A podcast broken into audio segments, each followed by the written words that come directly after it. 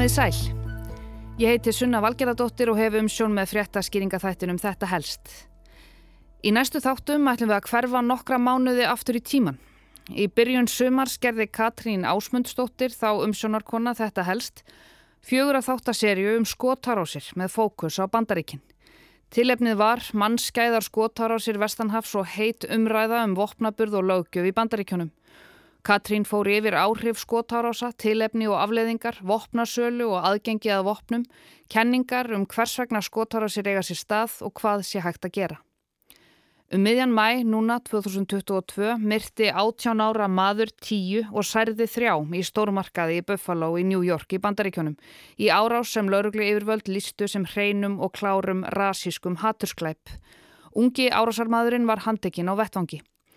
Skotárásinn var þá eins og mannskæðasta í bandaríkjónum þar sem afir ári, jafnvel þótt hún væri nummer 198 og rúmlega 19 vikum sem þá voru liðnar af árinu 2022.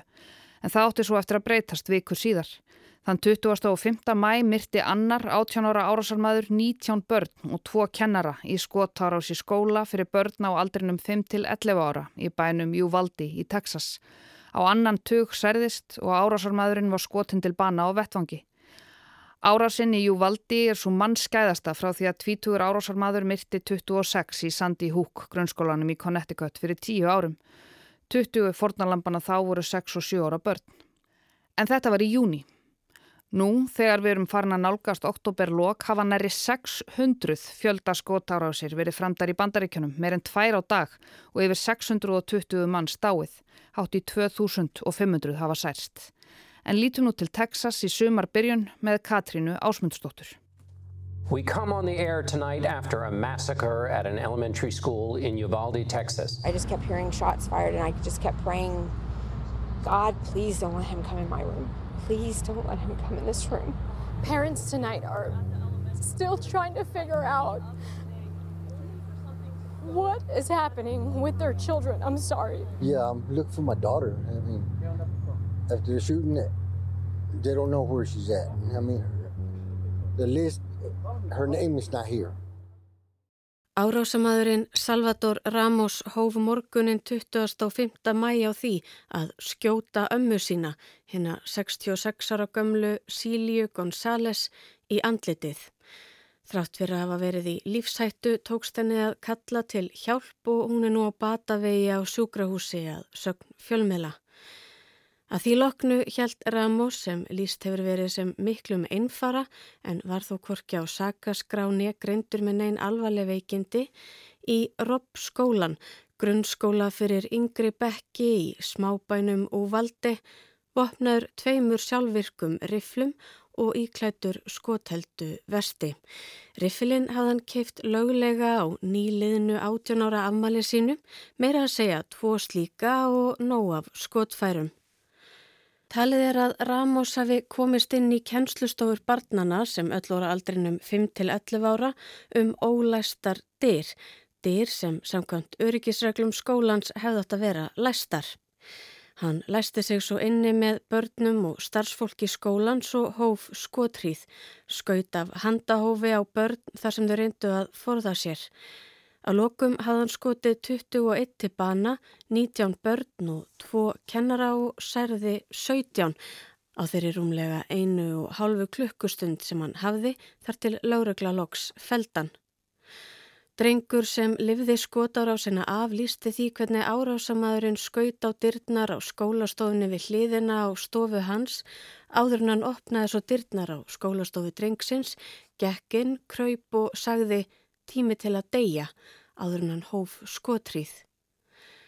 Drengurinn ónafngreindi komst af með því að fjela sig eða eins og hann lísti því. Þegar ég sá bissuskotin á gólfinu var það raunverulegt.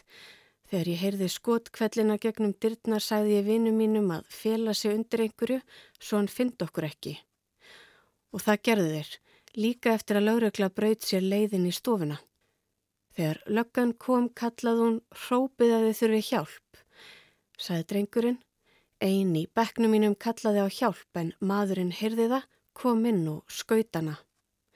Þá líst hann því hvernig kennaratnir hann sem báðar letu lífið í árásinni stigu fram fyrir bekkjarfélagans til að hjálpa og bjarga lífið þeirra.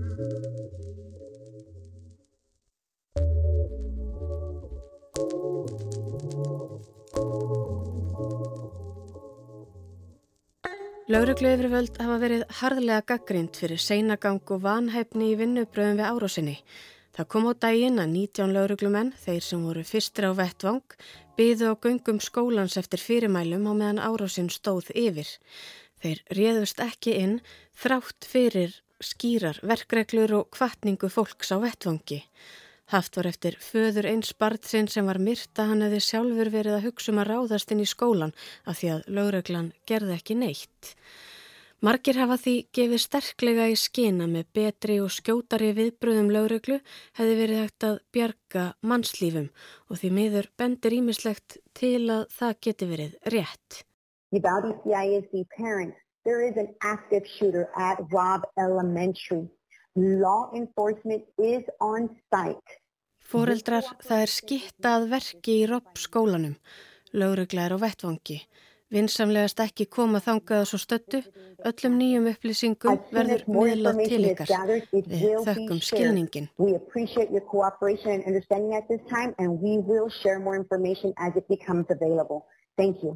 Svona hljómiðu skilabóð skóla yfirvalda sem bárust fóreldrum klukkan 12.20 þennan hörmunga dag. Þegar skilabóðin voru send var árásamadurinn ennaverki og enn óáreittur. Börn voru að berjast fyrir lífið sínu, sum særð, jafnvel lífshættulega, önnur voru í felum, sum lágur reyfinga laus, búin að maka sig í blóði bekkjarfélagana að þykjast vera látin. Eitt barnana ringdi á lauruglu, þriðja símtalið og það alltaf meðan lauruglan í smábænum beigð fyrir utan skólastofunar eftir aðstóð sérsveitar. Á þessum tíma átti árásamæðurinn eftir að hleypa af minnst þremur skotum.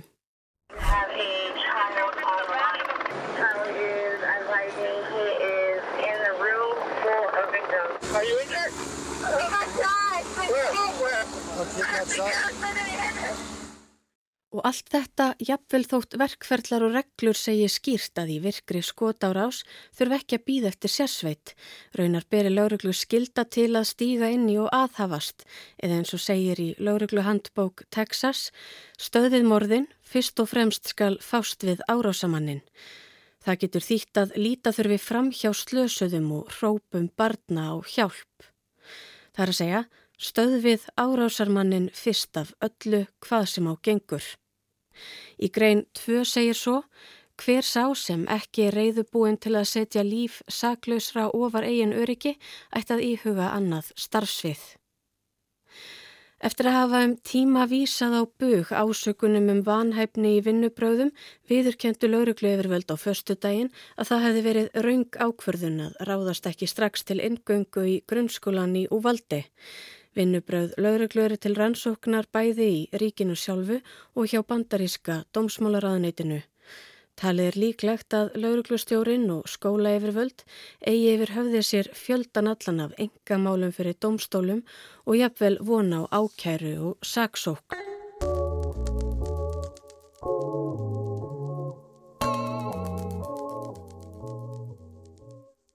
Minnisvarðar og krossar með nöfnum hennar látnu hafa verið reistir við skólan og jarðafarir fórnalampana fara fram um þessar myndir.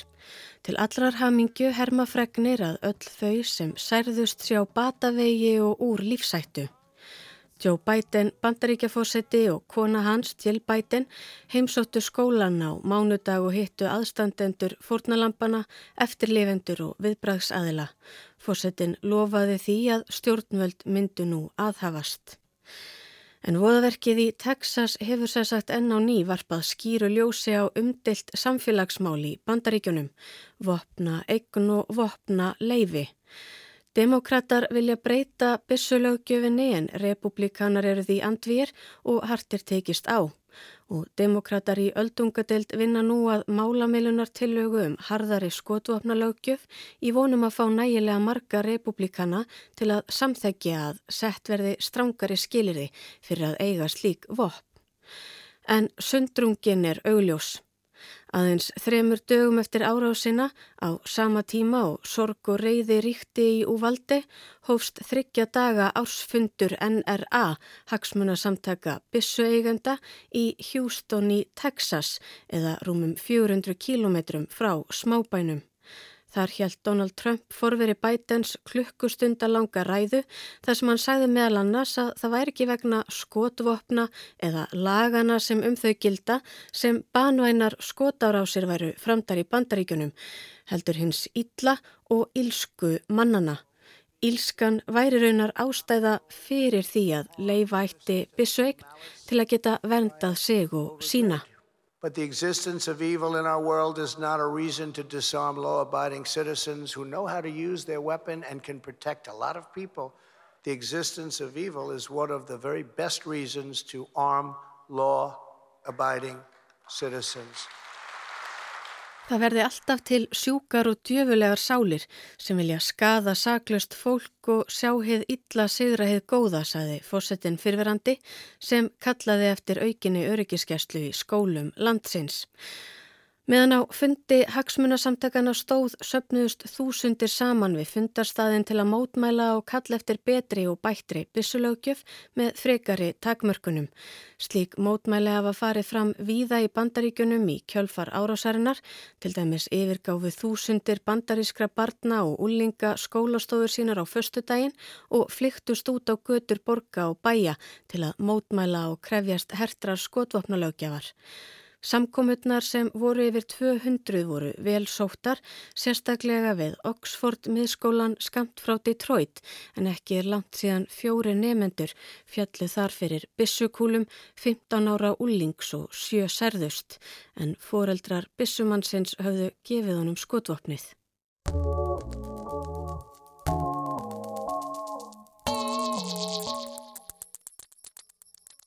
Og því miður eru allt of, allt of margir í bandaríkunum í þeirri stöðu að geta samsamað sig með eftirlifendum og ástvinnum fórnalampa árásarinnar í Texas. Svo margir að því verða með yngum úti gerð skil í svo stuttum pistli. Árásinn á Robbskólan er áttunda fjöldamorðið sem framið er í bandaríkunum bara á þessu ári og það sjöunda mannskeiðasta sem hefur verið framið þar í rúm 70 ár. Þá er skotárásinn svo mannskæðasta frá því að tvítugur árásamaður myrti 26 í Sandy Hook grunnskólanum í Connecticut 2012.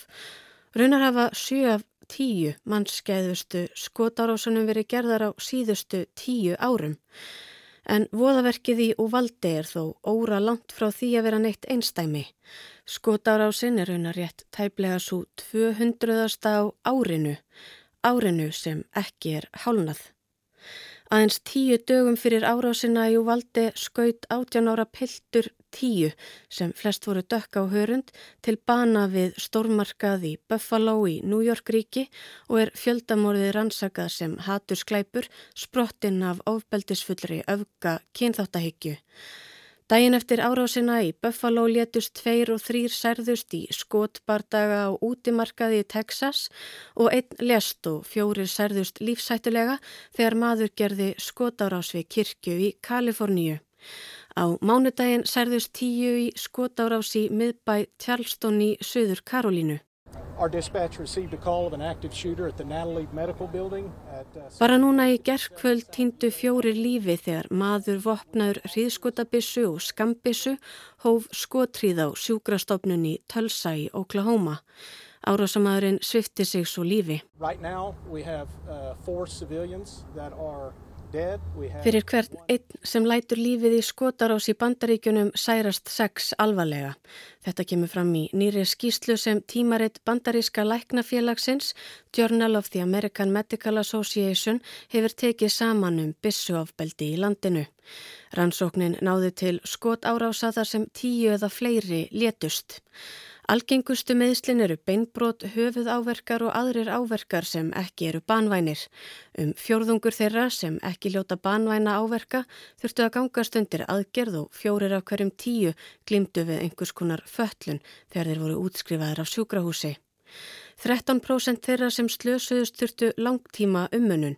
Meðalkostnaður þeirra sem þurfa á sjúkrahúsvist að halda segja skýsluhefundar að séu um 65.000 bandaríkjadalir eða sem nefnur tæplega 8,5 miljón íslenskra króna.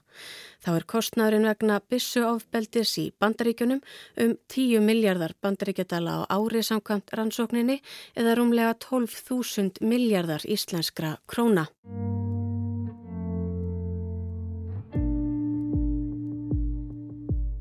En hvers vegna fremur fólk og stundum börn eða ungmenni svona mannskæðar árásir?